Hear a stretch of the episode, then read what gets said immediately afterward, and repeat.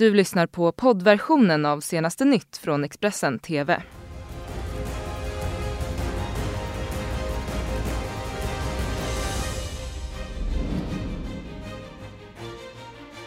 Den svensk-kinesiska förläggaren Gui Minai som suttit fängslad i Kina i flera år utan en rättegång har nu dömts till tio års eh, fängelse i kinesisk domstol. Anton Gymark berättar här mer om beskedet. I fem år har Gui Minhai suttit fängslad utan rättegång av den kinesiska diktaturen. Gui Minhai är bokförläggare och han hade tidigare drivit bokförlag i bokhandel i Hongkong med regimkritisk litteratur. 2015 kidnappades han av kinesiska agenter från Thailand och har sedan dess suttit i fångenskap i Kina. På tisdagen kom så ett pressmeddelande från domstolen i staden Ningbo att förläggaren dömts till tio års fängelse. Enligt pressmeddelandet döms Gui Minhai för att ha tillhandahållit information till främmande makt. Domen ska ha fallit under måndagen. Enligt domstolen ska Gui Minhai ha meddelat att han inte överklagar domstolens beslut. Dottern Angela Gui togs med överraskning av domstolens besked. Hon har under mycket lång tid väntat på någon form av livstecken från sin pappa. Reaktionerna mot domen är bitvis starka. Magnus Fiskesjö är tidigare kulturattaché vid Sveriges ambassad i Peking och numera professor i antropologi i Ithaca i USA. Han menar att domen är ett påhitt och att man aldrig från svensk sida kan acceptera den. Expressen har varit i kontakt med Elin Wester på svenska utrikesdepartementets jour. UD har i nuläget inga kommentarer och vi väntar såklart fler reaktioner. En som har reagerat på domstolens besked är Gui Minais dotter Angela Gui. Och eh, hon säger till Expressen att det här beskedet kom som en total överraskning och eh, hon har ju under väldigt mycket lång tid väntat på någon form av sitt livstecken. Hon säger jag visste ingenting, jag blev uppringd av en journalist i Hongkong som sett domstolens pressmeddelande. Och på frågan om domen kan vara ett första tecken på att Kina är på väg att benåda hennes pappa så är hon inte särskilt optimistisk till det det. Hon säger att nej, jag tror inte det.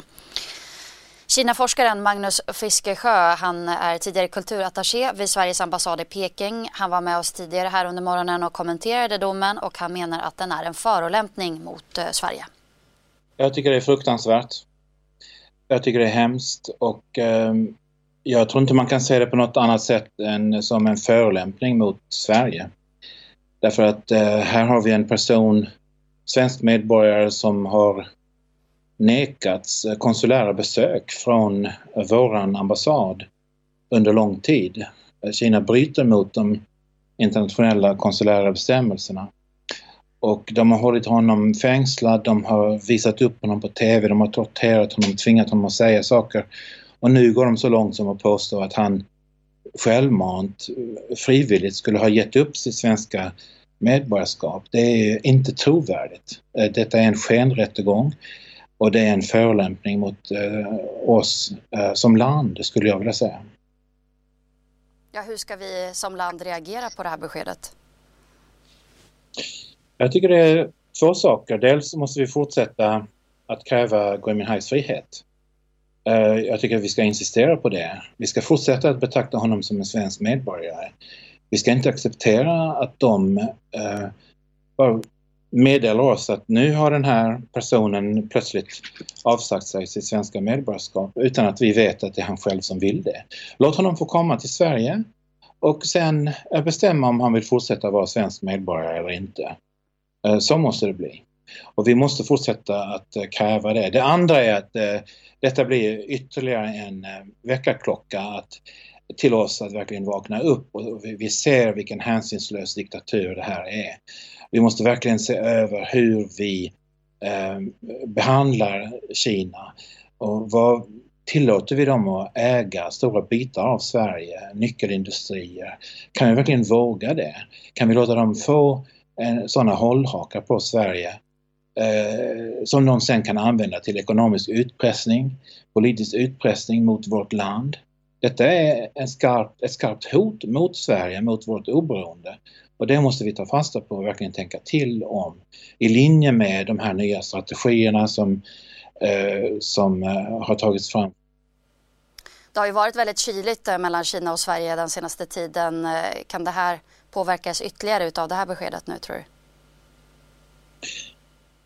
Ja, det tror jag kan bli ganska kyligt och i så fall får det väl vara det för att um, Eh, vi måste bestämma oss för vad för slags samhälle vi vill ha. Vill vi ha yttrandefrihet? Vill vi ha en rättsstat? Ja, då måste vi insistera på det. Då kan vi inte tumma på det och ge upp det. Utan då får vi ta lite kyla, lite kylighet i relationerna med Kina och kanske eh, gå miste om en del handel med Kina eller vad det nu kan bli. Och vi måste framförallt också tala med våra europeiska vänner. Eh, de andra 26, 26 länderna i vår union om att eh, vi måste verkligen tänka om om Kina. Här tar de och kidnappar en EU-medborgare och sen eh, påstår de att han inte längre vill vara medborgare i EU. Det är också en sak för hela EU och eh, jag tycker att eh, vi som land, som är ett litet land, vi ska söka styrka i den gemenskapen som EU eh, ändå erbjuder dottern till Gui Minhai, Angela, hon blev ju väldigt överraskad av domstolens besked och att Kina har valt att döma honom till tio års fängelse. Eh, och hon fick också då frågan om domen kan vara ett första tecken på att Kina kan vara på väg att benåda Gui Minhai. Men det låter inte som att du är inne på det, eller vad tror du? Jag hoppas också det. Jag tycker det skulle vara underbart. Om de kan göra det så skulle jag välkomna det. Uh, och uh, jag hoppas verkligen att det blir så. Jag är väldigt osäker på att uh, det är det de tänker göra. Eh, men ehm, allting är möjligt. Vi vet att eh, det finns en nyckfullhet och en oförutsägbarhet i vad eh, pamparna som styr Kina, vad de egentligen vill.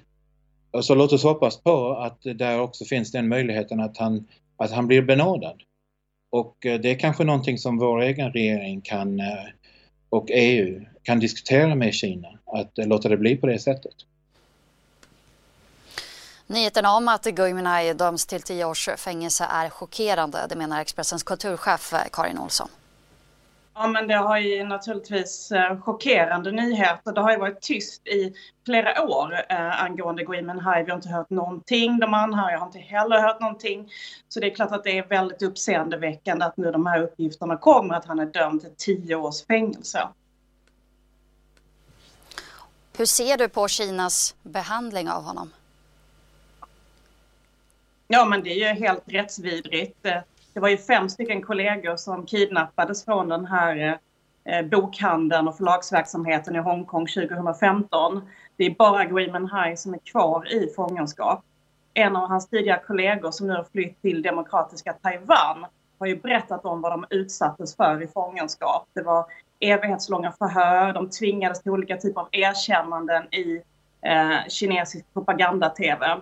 Eh, så att det är ju han har ju levt under svåra förhållanden nu i fem år eh, och nu kommer då detta. Um, och hans före detta kollega tror också att han aldrig kommer att släppas ut från Kina oavsett om han då skulle avtjäna ett fängelsestraff.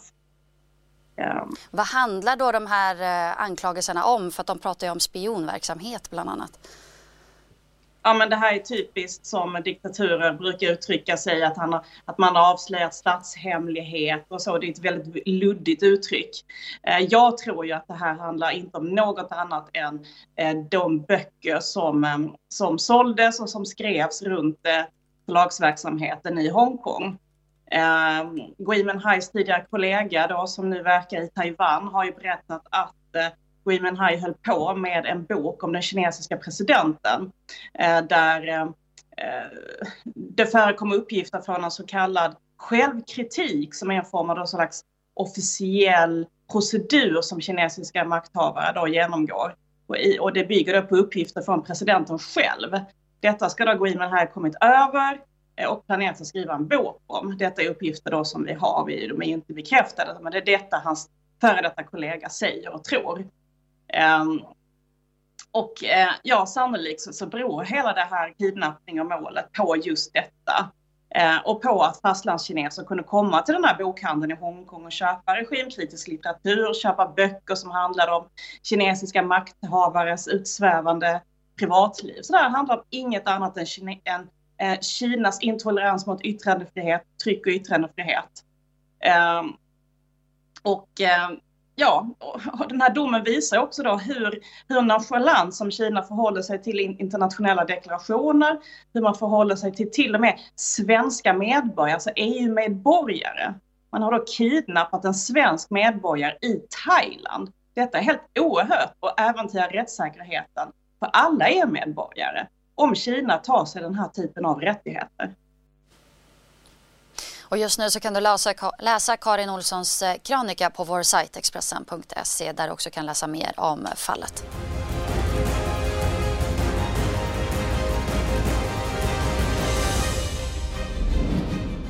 Du har lyssnat på poddversionen av senaste nytt från Expressen TV.